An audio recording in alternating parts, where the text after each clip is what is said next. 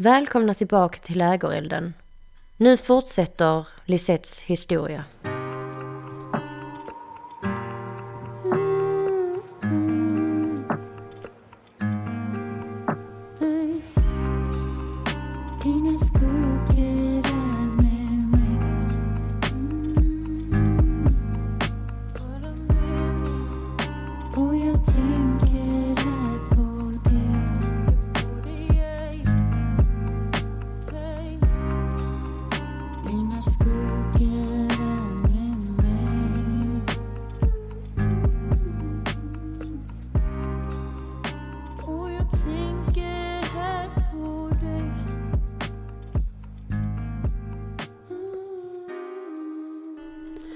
Innan det var dags för operation skulle man göra en ny hjärtkatetisering. Vi hade börjat svimma helt plötsligt utan att det hade gjort något. Där började min läkare Göran ta upp en eventuell lungtransplantation. Kunde vara dags, men det var jag inte med på. Och jag ville absolut inte heller få de andra medicinerna. Där man fick gå med en nål i magen och pump som sprutade in doser med medicin för att det skulle förstöra min outfit. Låter kanske löjligt för er som lyssnar, men för mig är det väldigt viktigt. Då jag redan var så pass dålig ville jag ha något som gjorde att jag mådde bra. Och jag mådde bra av mina kläder, hur de satt, mina naglar, mina fransar och även mitt hår. Operationen började närma sig för att ta bort livmodern. Det var väldigt nervöst. Men som tur var fick mamma följa med och med den dagen när jag skulle skrivas in. Det var väldigt mycket som skulle klaffa, för jag fick inte lov att sövas ner på ett normalt sätt, utan man fick sätta in slangar i halsen som var till för att jag skulle kunna få sova. Thoraxintensiven var inblandad i operationen och en narkosläkare som egentligen hade gått i pension ville vara med på operationen, för den var väldigt krävande, vilket hon såg som en utmaning. Anledningen till att jag inte kunde göra en normal operation med titthål, som man i normala fall gör, är att mina lungor hade inte klarat av en nedsövning och då hade jag dött om man hade gjort det. Dessutom skulle man även öppna upp för att ta bort resterna av tumören som jag hade tagit bort innan. Så det blev två operationer på samma gång. Så det var två team som skulle ta hand om mig. När allting var klart kom mamma och pappa till mig och jag minns inte så mycket av allting för jag var riktigt dålig efter operationen. Och det jag inte visste då, men som min läkare hade sett innan, var att min PAH hade blivit ännu sämre och det gjorde att min återhämtning blev längre än väntat. Fick ligga på hjärtintensiven en vecka och där fick jag också min första blödning på lungorna. Men det fick jag inte veta något om förrän senare när jag började kräka en massa blod. Och då berättade de att jag hade haft två blödningar. Och de sa till mig, det var tur att du fick dem här. Hade du fått dem hemma hade du inte levt idag, sa min läkare Göran. Jag kom sedan till avdelningen på hjärt och transplantation och svikt där jag fick börja med syrgas. Och man ville redan då sätta in nålen i magen för medicin. Men jag var inte redo, även för jag visste att det skulle göra ont. Och man kunde inte sticka mig i magen för jag hade väldigt ont efter operationen. Tiden inne på sjukhuset gick väldigt fort, för jag hade vänner och familj runt omkring mig varje dag. Förutom en dag som jag upplevde som väldigt tråkig och ringde och beklagade mig för mamma som sa att tråkigt måste man ha. Jag hade ett schema för alla besök och det gick så långt att personalen fick boka in tid för att komma in till mig. I min journal kan man läsa patienten som har stor umgängeskrets kan även stanna långt in på natten men det gör ingenting för de har patienten bra. Mamma sa till mig att hon kände sig välkommen där. Hon fick lov att ta allt hon ville. Tyvärr kunde jag inte äta så mycket av deras godsaker i och med att jag är gluten och laktosintolerant. Så mamma fick komma in till mig med det. Till och med personalen satt inne hos mig men fick till slut gå ut och jobba så jag hade en väldigt bra tid där. I vecka fyra gick det inte längre utan man fick sätta in nålen på mig i och med att jag inte blev bättre. Då blev det också mer påtagligt att det var dags för nya lungor. Och man hade redan innan operationen nämnt det. Så jag hade gått en del undersökningar, men då var det mest för att se om jag kunde eller inte få det. Nu blev det så påtagligt att jag skulle få det. Det var många undersökningar, samtal med alla. Men jag fick även träffa en underbar psykolog som jag kunde prata med. Hon var helt fantastisk. Har även kvar henne än idag. Fick även träffa en tjej som har PH, som hade nålen i magen. Som gjorde att jag kunde acceptera det mer och mer. Det gick väldigt bra, men även om det var väldigt jobbigt, för det gjorde enormt ont när man skulle byta nål. Och det gjorde man var sjätte vecka, då jag blev helt utslagen varje gång av smärta i två veckor. Efter alla utredningar så var det inte självklart för mig att jag ville bli lungtransplanterad. Tänkte mycket på det och kom fram till att jag faktiskt inte vill. Och det var väldigt beslutsamt i detta. Började planera min egen begravning och pratade med mamma om detta, som självklart blev väldigt ledsen när jag sa detta. Men vi hade en väldigt bra diskussion om detta. Två dagar efter kom mamma med det vita arkivet till mig. Hon sa Planerar du för din egen begravning så ska det stå nedskrivet så det blir som du vill ha det och ingen annan.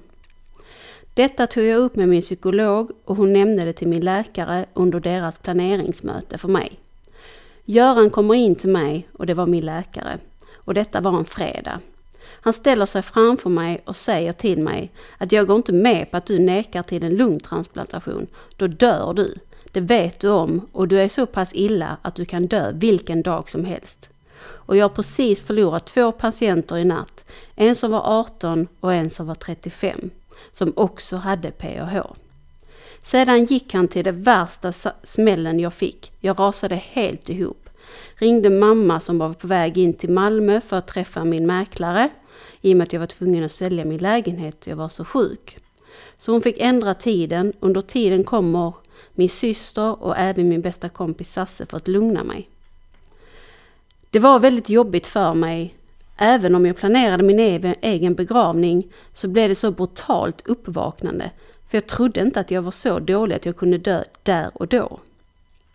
Låg inlagd i sju veckor, var en helt fantastisk personal och jag trivdes väldigt bra där. De gjorde allt för mig. Utan alla mina vänner och familj hade det aldrig gått. Och dessutom hade jag fantastiska barndomsvänner som jag fick en bättre kontakt med igen, som stöttade mig i allt. Jag är så tacksam för allt jag har. En som har betytt väldigt mycket för mig och min familj den här tiden är Ia. En av mina gamla klasskamrater, som jag inte hade så mycket kontakt med innan. Vi fick kontakt när jag blev sjuk och hon släppte allt för mig. Fast hon hade sambo och två barn hon pluggade så kom hon till mig som gott som varje dag. Och kom hon inte så ringde hon mig. Det betydde jättemycket för mig. Kom hem med nålen i magen och skulle vänja mig vid att ha syrgas dygnet runt, alla timmar.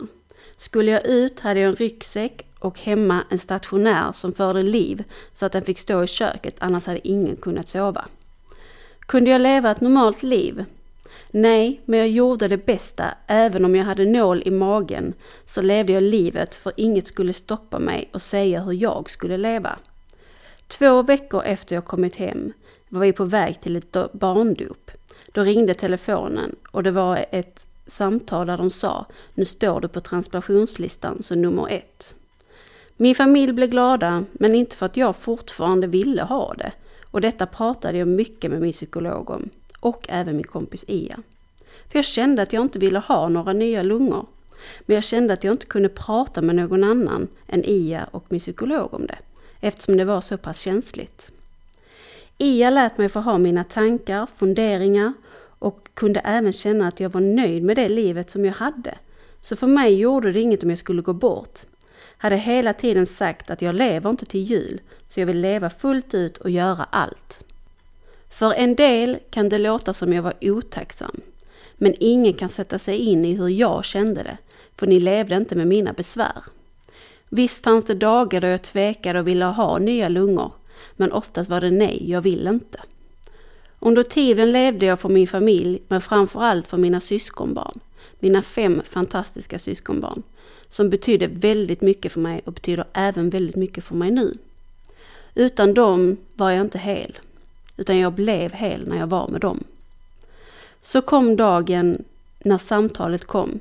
Jag minns det såklart. Klockan var klockan sex. De ringde och sa, nu är det dags Lisette. Blev väldigt konstigt för mig för jag hade dagen innan varit på Skånes djurpark med en av mina närmsta barndomsvänner Carolina och hennes barn plus min extra mamma Gunilla. Och hade haft en sådan underbar dag med lek och skratt och mådde väldigt bra. Så det var väldigt konstigt att detta hände. Jag brukar ofta gå i sömnen och när mamma vaknade så undrar hon, går hon i sömnen igen? Mamma kom upp då och vände sig mot mig och då sa jag, det är nya lungor nu. Tvekade jag? Absolut. Men jag gjorde detta för min familj, men framförallt för mina syskonbarn. Jag minns också att jag sa, det kan jag inte. Jag kan inte komma in idag. Jag ska ha systerdag idag och fira hennes 35-årsdag.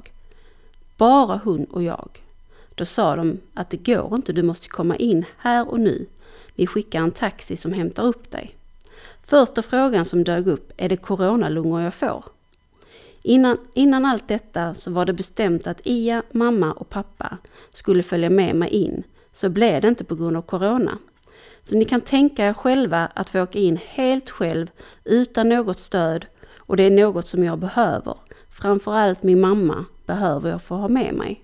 Men hon fick inte följa med. Pratade med Ia i telefonen på väg in och bröt ihop och sa till henne Du måste ringa mamma hela tiden för att höra hur hon mår. Det gjorde hon så mamma hoppade till varje gång telefonen ringde.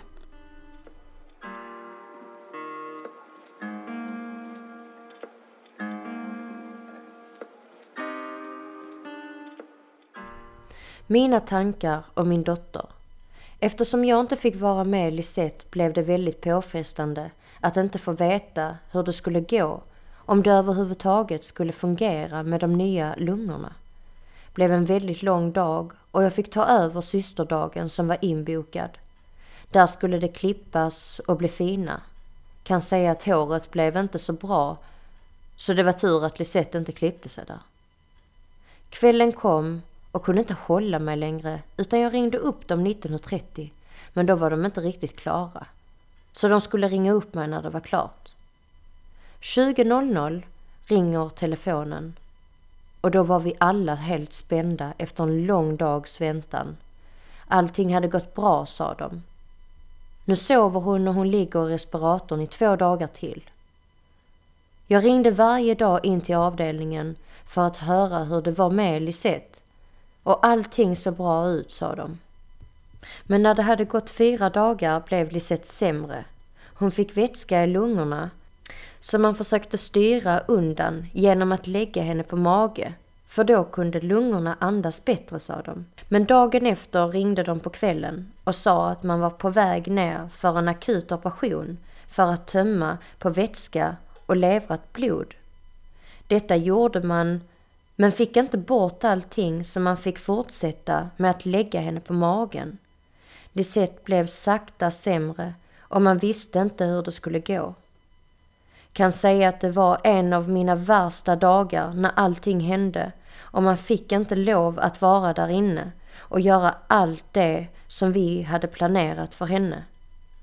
Vår plan hade hela tiden varit att även om Lisette skulle vara nedsövd så skulle jag vara där för att ge henne massage med Nickens massageapparat som gör att blodcirkulationen öppnas, vilket är viktigt för Lisette med hennes muskelsjukdom, så det inte blir knutor och gör det värre för henne. Hon skulle även få sitt renande vatten för hennes mage. Jag hade även planerat läsa och prata med henne så hon inte skulle missa något. Men istället blev allting mycket sämre för Lisette. Hennes mage klarade inte av alla påfrestningar som det blev av alla mediciner, så den svullnade upp och man fick kalla ner överläkaren från kirurgen och man gjorde upp en plan. Som tur var fungerade den så man slapp öppna henne igen. Dagen gick och det hände inte så mycket. När det gått en och en halv vecka fick hennes pappa corona och blev inlagd även han med respirator och då hade jag två stycken som låg där. Var det tufft innan blev det tuffare nu. Men som tur var blev Lisette bättre och när det gått tre veckor kunde man väcka henne och lägga in en track istället för den i halsen. En kväll ringde det ett Facetime-samtal från ett okänt nummer. Jag svarade och det var sköterskan som ringde upp Lisette för hon kunde inte prata själv. Men det var så underbart att få se henne och det gjorde hela min kväll. Den kvällen var jag tvungen att ringa runt till alla för att berätta detta. Det var en lång tid för Lisette så hon fick lära sig att gå igen, äta och dricka. Hade förlorat väldigt mycket muskelmassa så det var jobbigt för henne. Jag älskar dig min dotter.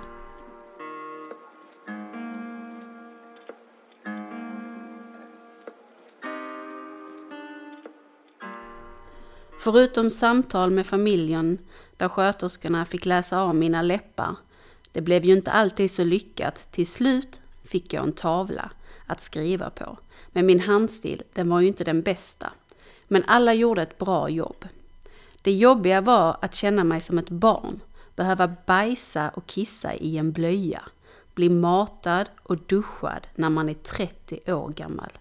Tänk er själva att skriva nu har jag bajsat, byt blöja tack. Hur hade ni känt er om ni har varit där? Ibland tycker jag faktiskt väldigt synd om personalen för min mage var absolut inte bra. Det var som vatten hela tiden, inte alls fräscht. När man har legat nedsövd så länge med tunga mediciner får man mardrömmar och det var ingen som sa det till mig. Det var riktigt hemskt. Nu kommer det sjukaste som hände mig. När jag väl vaknade och efter några dagar när jag kunde börja prata så sa jag till personalen det allra första jag sa. Min pappa är död. Varför jag trodde min pappa var död var för att när jag var nersövd så såg jag ljuset. Alltså det vita ljuset man ser när man är död. Mitt hjärta slutade slå i några sekunder och även min pappas hjärta gjorde det. Vi träffade varandra i den här drömmen och jag träffade även min farbror som är död. Det går inte att förklara hur det var.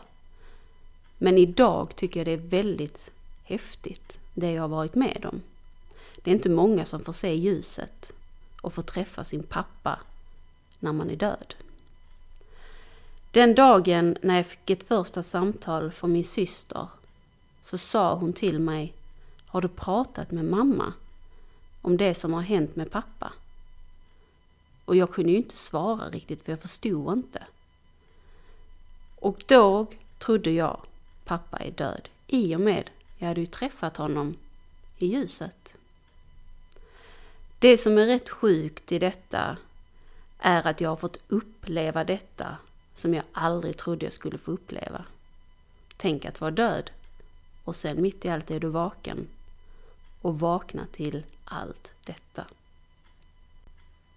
Och som min mamma sa så hade pappa fått corona under den tiden jag var inlagd. Så vi var ju nersövda samtidigt och låg i respirator. Och där var ju han död i några sekunder, precis som jag var död i några sekunder. Och det är så jag tror att vi träffades. Man kan absolut inte förklara detta på något sätt. Men det är min verklighet. Det är ju så här att när man upplever något sånt här så är ju det väldigt, väldigt hemskt, men det är även häftigt. Idag så kallas min pappa miraklet i Lund, för han överlevde den tuffaste corona man kan ha haft. Efter den här tiden han hade haft corona så fick han en hjärtinfarkt på det. Sen gjorde han ytterligare en operation till för hjärtat. Och plus att han fick diabetes. Idag så har han på sidorna av låret ingen känsel. De säger att den ska komma tillbaka som jag hoppas för hans skull. Men min pappa är verkligen en kämpe. Vi har haft motgångar han och jag. Vi har inte alltid kommit överens. Men idag kan jag säga att jag älskar min pappa och jag är så glad att han lever. Tack pappa för att du lever.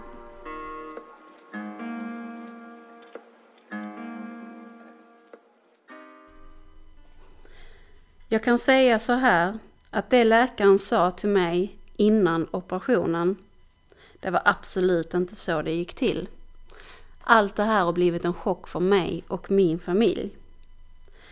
Det är så här att när jag fick veta att jag skulle göra en lungtransplantation så sa de att jag skulle vara nersövd två till fyra dagar.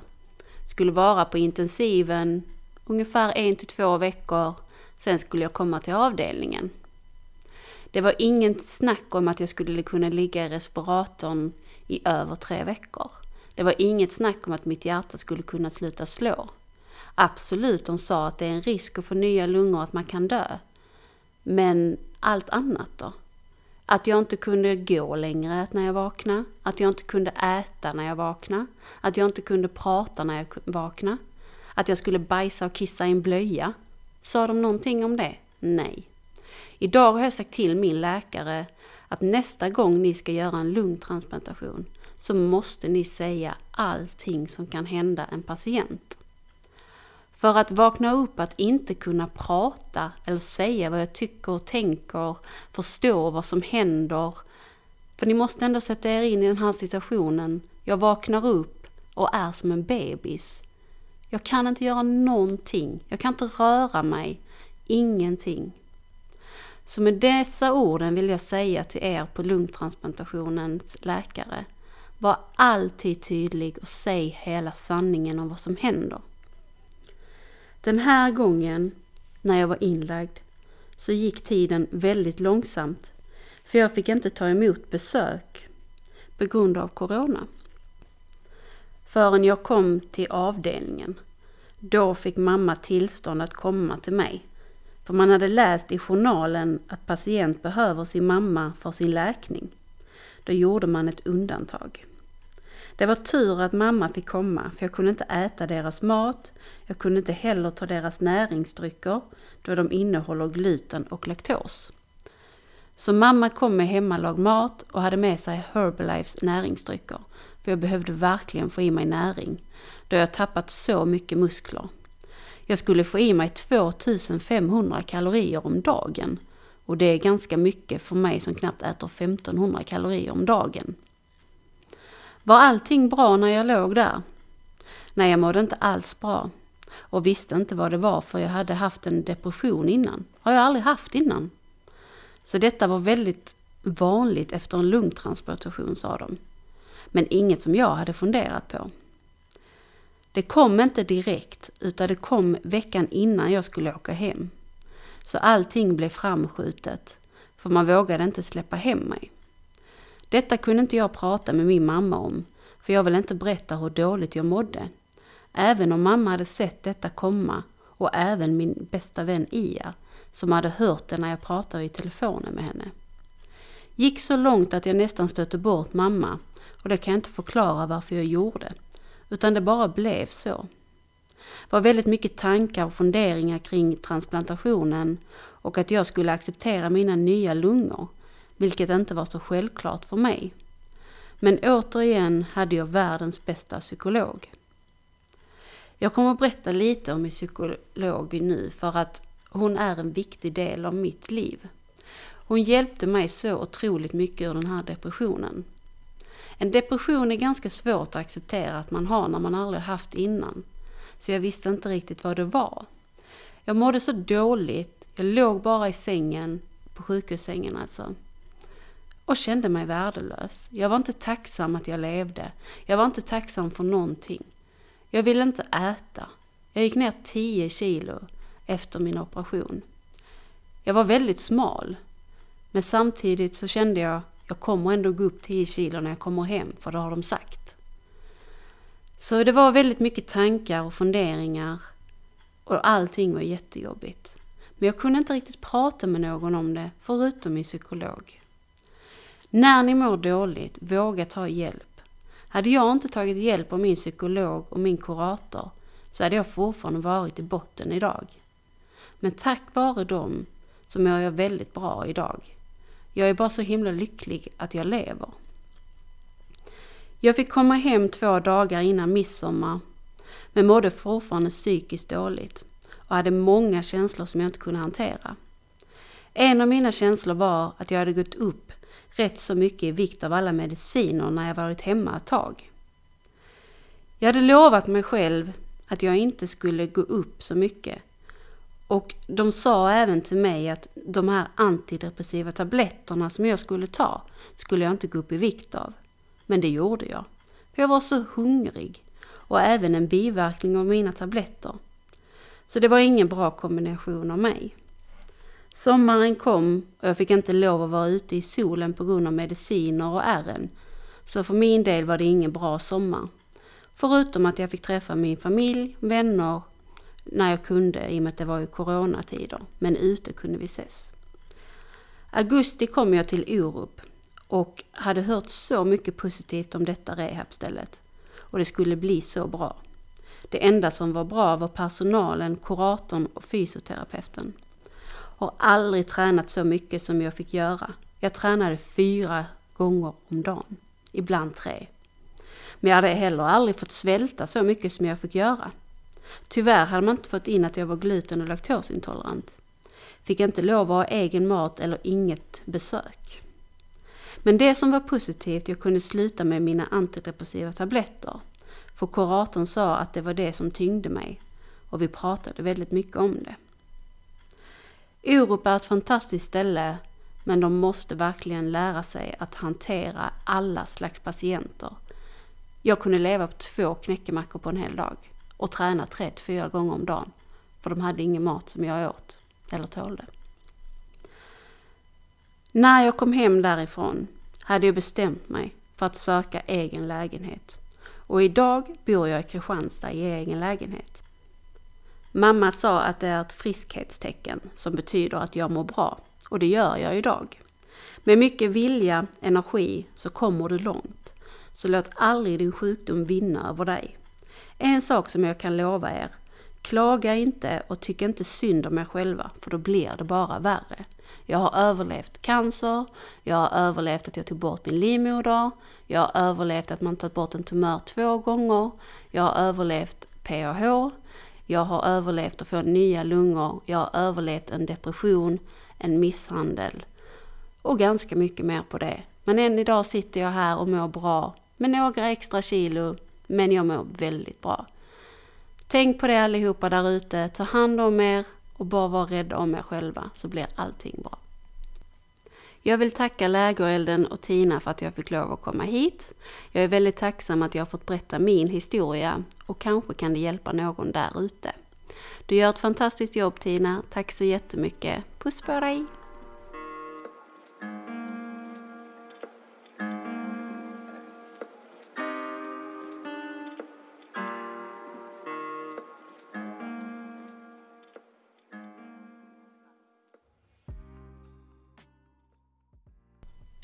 Tack snälla Lisette för de fina orden du sa nu här i slutet. Eh, Jag är jättetacksam för att du kom hit här idag och berättade dina historier. Tack själv. Det är jag verkligen. Och jag är jätteglad att jag har fått lära känna dig Ja. nu på denna korta tiden här. Men eh, alltså du verkar vara en helt skön och ball kvinna. Tack så mycket. verkligen. Jag kommer fortsätta hålla kontakten med dig, det kan jag ju lova. Det får du jättegärna göra. Men nu vill jag att vi har en diskussion om detta som vi har pratat om nu. Mm. Eh, hur var det att gå runt med den här syrgasen? Ja, det var ju ganska jobbigt. Det var ju liksom 15 meter sladd. Mm. Eh, Oh man kan ju säga att alla snubblade i början på den. Oj. Ehm, det var ju så här att varje gång man skulle gå någonstans så kom här nu min lilla hund. så, att, eh, så att det var ju ganska drygt att ha den här slangen, men man vande ju sig också. Ja. Ehm, den hjälpte ju mig att andas. Mm. Jag mådde ju bättre av den. Så efter ett tag så började jag ju se det positiva i den. Mm. Eh, sen när jag skulle gå ut så hade jag ju en eh, ryggsäck som vägde tre kilo ungefär. Och den var ju Oh my- ganska tung. Oh my god! Ja, det var skitjobbigt att träna i den ska jag säga dig. Alltså, varje gång jag skulle på de här träningspassen och den här jävla ryggsäcken. Alltså det liksom var bara i vägen så skulle man lyfta den när man skulle gå till nästa station för i och med att jag körde cirkelpass. Ja. Nej, det var väldigt jobbigt. Men eh, jag älskar ju att träna så Mm. att det fanns inget annat val. ja men vad roligt ändå att du ändå gick och tränade fast Ja. du liksom eh, har varit med om det du eh, har varit med om. Ja. Vet du vad jag hade gjort? Nej. Ja, jag hade legat där i den soffan. det det ja, men jag det gjorde jag i början, det kan jag lova dig. Men sen tog jag tag i kragen och skärpte Mm. till mig. Men vad duktigt ändå av dig, det måste jag ju säga. Det hjälpte ju att mamma hade liksom sådana pass två gånger i veckan i Hova. Mm. Annars hade det nog varit jobbigare. Ja. Men, Men vad, vad var det för nål du eh, pratade om? I magen? Ju, ja, alltså jag ska försöka förklara så ni förstår. Det är ju Mm. en liten nål som man sticker in i magen. Okej, Och så har man Remolid eh, pump i, eh, mellan bröstet. okej. Eh, och så går det en slang från magen upp till bröstet. Mm. Så man får ju absolut inte nudda den så att den dras ut. Mm. Eh, och via den så får man då medicin. Och den medicinen gjorde ju så att jag blev bättre. Okej. Plus syrgasen. Okej. Eh, och den här nålen, varje gång man byter Mm. nålen så svullnar hela magen, nu halva magen upp menar jag. Och så får man så sjukt ont, alltså det går inte att beskriva den känslan. Jag kunde aldrig ha höga byxor, jag kunde aldrig ha jeans. Alltså, Mm. ja det var extremt jobbigt. Men den medicinen räddar ju många, räddar ju många som har PH. Mm, mm. Och det räddar mig. Till Ja, som tur var. Eh, men hur kändes det att du blev eh, uppsatt på den här eh, lunglistan? Jag säger lunglistan för jag har svårt att uttala Transplantationslistan. Taralahalele. Eh, jag ville ju inte ha nya lungor. Så, Du ville inte ha... Varför? För jag kände att jag var så klar med mitt liv. Mm. Jag orkade inte mer. Nu Du fixar jag... inte det längre? Nej, jag kände bara att jag vill, inte, jag vill inte mer nu. Jag har gått igenom Nej. tillräckligt. Och, så att vi var ju på väg till min kusins dop, Mm. till hennes son. Och jag var ju så glad bara för att komma ut från sjukhuset. Liksom. Mm. Och sen så fick jag det samtalet i bilen och mina föräldrar blev jätteglada. Mm. Eh, för jag var ju nummer ett i, eh, genom hela Sverige, Norge, Danmark, Finland, alla de länderna. Mm. Men jag bara kände, jaha, nu kommer jag få nya lungor. Nu måste jag gå igenom den persen också. Mm. Så för mig var ju inte det ett lyckligt samtal, men jag låtsades och fejkade inför hela släkten där. Bara, Åh, jag är så glad, jag är så lycklig, jag ska få nya lungor. Men det var jag inte. Och det var sanningen. Fan vad hemskt alltså att känna den känslan. Att typ du, du ger upp. Fattar du vad jag menar? Mm, jag gav ju inte upp, utan det var mer så här att jag kände att Nej men det lät som att du gav upp när du sa det på det sättet. Ja, men det var ju så att jag tyckte att någon annan förtjänar lungorna istället. Du kände så? Ja. Mm. För jag tänkte, jag förtjänar inte dem om jag nu inte vill ha dem så pass mycket. Mm. Men sen så tänkte jag på mina syskonbarn, för att hur ska de klara sig utan sin moster? Mm. Jag är ju världens bästa moster. Så att det går inte. så att, eh, ja. Ja. Nej, så att ehm, det var ju mycket stor anledning, alltså min familj, min syster, min bror, min mamma pappa. Mm. Så att jag gjorde det mycket för dem. Mm. Eh, det var ju svårt. Men du kände att du inte gjorde det för dig själv? Nej, utan det gjorde jag det absolut inte. Mm. Absolut inte. Och det visste min psykolog om.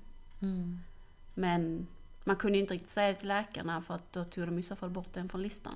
Och säger man nej en gång till operationen så får man inte en ny operation. Oh my god. Och när man tänker på barn som ska vara utan sin moster och förklara för dem hur moster dog. Nej, jag kunde inte leva med det. Mm. Men, Men ja. alltså hur, hur fan var det att vakna upp av alla dessa jävla slangarna? Jag har ju sett bilder Mm. eh, som vi har lagt ut på Instagram. Så där får ni ju se alla slangar och sånt. Och, vad var det här eh, som var bredvid din säng där slangarna... Mm, det är ju där Förklara. som medicinen låg i. Okej, där så de- det gick medicin. in liksom... Så allt detta här gick in samtidigt i din kropp? Mm, Oh my god. Jag hade ju fyra slangar i magen. Jag har ju fyra ärr i magen som du kan se här. Oh my god. Där. En, Oh my god. Här är fem stycken och här är ju från ärret, från Ja. tumören. Och sen Ja. har jag ju här från livmodern. Och sen är ju här från lungorna. Nej men fy alltså. Så jag har nej. ganska många ärr. Ja. Men- Men, det är ändå, det, det, det, jag. representerar dig. Mm, Precis. vad jag har överlevt. Exakt. Men när jag vaknade upp med alla slangarna, då när jag alltså kunde veta att jag levde. Mm. Och att jag, men jag kunde inte prata eller någonting. Men det första jag kände, fan jag överlevde. Ja. För att i den här stunden när jag sov Mm. så hade jag en del mardrömmar. Mm. Ehm, jag hade väldigt många hemska mardrömmar. Men en av de drömmarna var, alltså du vet man hör ju allting runt omkring sig. Alla Ja. sjuksköterskor, alla som jobbar där och Mm, allting. Alltså när de pratade sånt, man hörde ju det. mm. Men man var inte vaken. Alltså så jävla läskigt. Eh, så att, och Tänk att bara ligga där och det enda du kan göra är att höra. mm, Du kan inte röra dig, du kan inte prata. mm, Du kan inte se heller va? nej. Nej. Och det, jag kommer ihåg det att de sa till mig, jag hörde de sa Lisette dra inte ut eh, det här som man hade i halsen. Ja. För jag försökte dra av den hela tiden, för jag ville ju inte leva. Så jag bara drog och drog och drog i den. Och då så hörde jag dem säga nej Lisette, nej Lisette den ska vara kvar. Så nej, du den... kunde röra dig då? Nej men alltså jag inbillar mig du vet. Du inbillar Ja, dig? Jag inbillar mig att de sa det och att jag gjorde det. Oh my god. Så att, och ett tag när det har gått kanske två dagar, då kunde jag röra min hand tillräckligt till att dra ut den. Alltså det var nära att jag fick ut den och de tog tillbaka den till mig. Oh, För det var det enda jag tänkte på, jag ska få ut den, jag ska få ut den, jag ska Mm. få ut den, för jag vill inte. Mm. Men alltså jag kan ju säga att idag är jag ju tacksam att jag lever, det är jag ju. Mm. Verkligen. Men jag var inte det då. Mm. Och jag känner att man är inte alltid lycklig bara för att man får någonting nytt. Nej. Och det är klart att jag är tacksam att jag fått nya lungor. Mm. Men man måste förstå mig också, varför jag inte var det. Mm. För det var så mycket för mig. Ja, jag förstår det. Men jag, något, om du vill såklart. Vill du berätta lite mer om de här mardrömmarna Mm. som du hade? Absolut. Ena mardrömmen var ju att jag var med en kille i en lägenhet. Eh, i, honoms, I hans lägenhet och han tog hand om mig där. Mhm. Jag kunde ju inte röra mig. Mm. Jag låg ju bara där liksom i sängen och ja, vi var tillsammans. Jag har ingen aning om den här killen är. Men det var en kille jag Men var du såg hans ansikte och allt eller? Ja, Okej. Och jag tror att det, det är så konstigt för att det här ansiktet som jag kände igen. Mm. Jag tror väl att antagligen har jag träffat den här killen någon gång. För att det var en utländsk kille med skägg, blåa ögon och kanske 1,70 lång, ganska välkraftig bygg liksom. Mm. Eh, och han... Jag tror att jag vet vem det är, en kille som jag har dejtat. Mm. Men jag är inte säker. Okej. Men jag var i hans lägenhet och han tvingade då på mig. Eh, och jag ville ju inte någonting men i och med att jag låg där typ förlamad, kunde inte göra någonting. Herregud, Och nu får ni tänka att detta är en dröm, Mm. så det har inte hänt. Men sen så drömde jag även att jag var i korridoren på sjukhuset. Och då var det en manlig eh, sjuksköterska som gav mig ett piller och sen blev jag helt borta och sen våldtog han mig. Ja men gud vad hemska drömmar. Mm. Och så ligger man där. Ja, och sen drömde jag ju att min pappa var död. Ja. I och med att jag träffade ju honom där. Ja, precis. Eh, Det var sjukt. ja, Det var helt jävla sjukt. ja, det är så himla sjukt att man inte kan tro att det är sant. För det låter jag tror ju på sånt här. Ja, alltså det gör jag med. Jag tror ju Mm. på spöken, jag tror på allt sånt ju. Men jag har ju svårt ibland att tro på det. Men efter detta så tror jag på det mer ju. Ja, man I- måste, det är som jag säger, man måste vara med om eh, det övernaturliga för att kunna tro på det. Mm. Det måste du. Mm. That's it. Och det är, alltså det är många sådana sjuka historier. Och jag hade ju den dagen när jag vaknade upp och jag inte kunde prata eller någonting. Mm. Så första kvällen där när jag skulle få eh, min, mina piller, som jag, jag fick ju en piller som jag skulle svälja då för jag skulle prova. Mm. Då var det manlig. Och det var så svårt för mig för jag vägrade nästan svälja den. Men i och med att jag inte kunde prata, jag kunde inte röra mig. Mm. Ingenting. Så då, det var ju liksom som att han fick tvinga lite mig. Och Ja. svälja ner den för att jag skulle försöka så att jag kunde, om jag kunde svälja. Mm. Det var ganska jobbigt för mig att för varje gång jag såg en manlig sjuksköterska så blev jag, alltså jag blev knäckt. Mm. För att jag tänkte, åh nu kommer det hända. Mm. Och det var han som gjorde det mot mig i korridoren. Mm. Alltså, det var sjukaste drömmarna jag hade. Fy Men- fan vad hemskt alltså. Mm. Och tänka sig att eh, drömma om sådana här sjuka jävla mardrömmar och så ligger man helt still och kan inte fly därifrån. Nej. Usch. Och du vet till sist när jag började kunna prata. Mm. Jag minns att det första jag sa. Jag vill inte ha någon manlig sjuksköterska när jag ska sova. Mm. Och då frågade de mig varför. Och jag var väldigt hes när jag pratade Mm, för att mm. det var väldigt nytt. Och då sa jag, för jag blev våldtagen i den korridoren. Och de bara, nej Lisette, nej nej. Jag bara jo. Du var Ja. så fast i Ja. dessa drömmarna liksom. Så att när jag gick, De var så trovärdiga. ja ja gud ja. Varje gång jag skulle gå, jag gick till dörren, tillbaka till sängen. Jag vägrade gå ut i korridoren. Jag vägrade. Men till sist så var de ju tvungna att rulla ut mig för de var ju tvungna att duscha mig. så det var ju lite så. Mm. Men eh, mycket mardrömmar, mycket hemska mardrömmar. Det finns fortfarande nya saker som kommer upp i mitt huvud, vad som har hänt och allt sånt. Men det är ganska sjukt att det, allting var så verkligt. Mm. Jag vaknade ju, när jag började prata så sa jag bara är min man? Var är mina barn? Jag hade tre barn. Två stycken med en man och en hade jag fått på något annat sätt, jag visste inte hur. det var helt sjukt. Och min man, det här är det sjukaste, vem min man var. Han jobbade på, där jag var på första gången jag opererades. Ja. Så var det en manlig eh, sjuksköterska. Ah, det var din man. Ja. För att han pratade jag nästan med varje kväll på den Åh. avdelningen.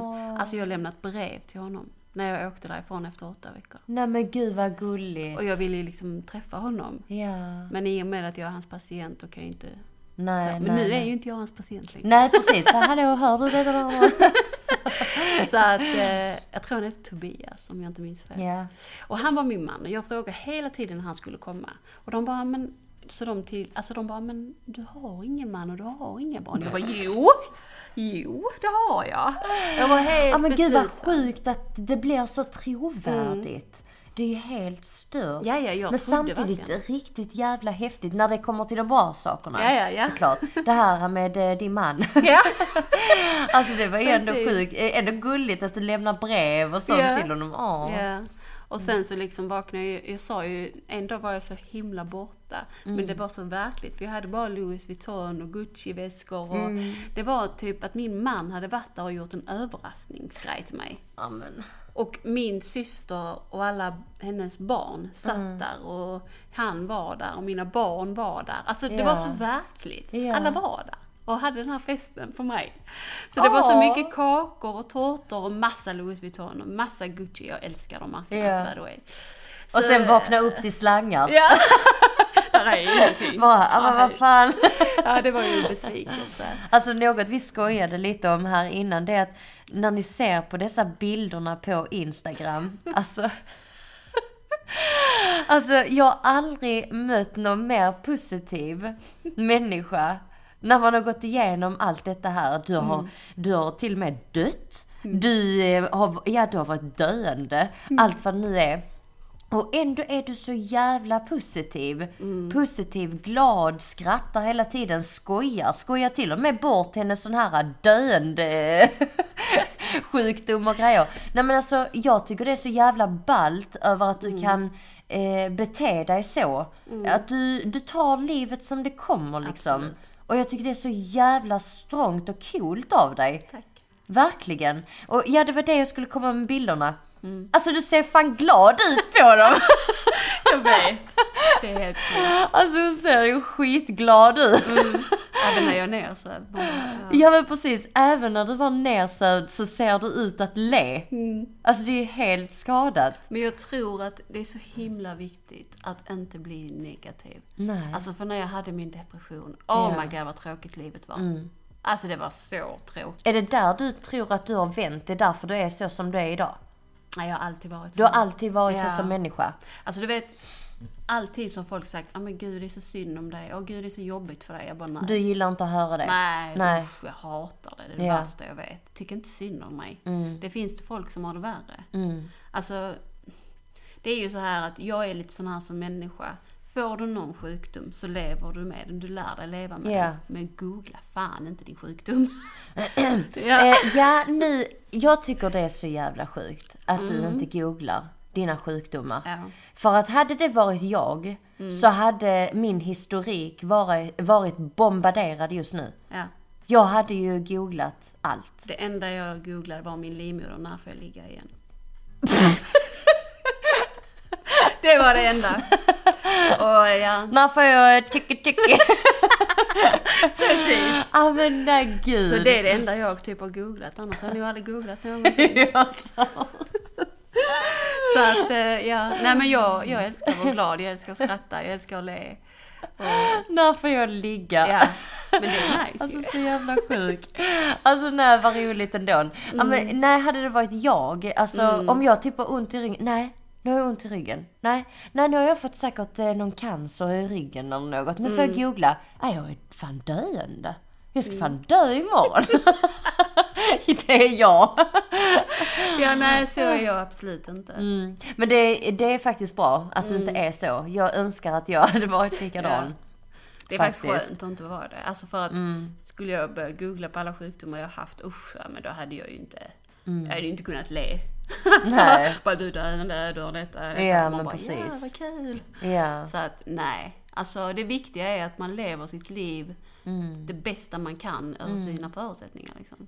Mm. Och jag älskar att träna och jag älskar att, jo- att jobba med försäljning. Mm. Och jag är så himla glad att jag har fått jobb på Mediamarkt och Vad kan jobba igen. grattis. Ja, jag har inte jobbat på ett och ett halvt år, så det känns ju skitskönt. Ja det förstår jag.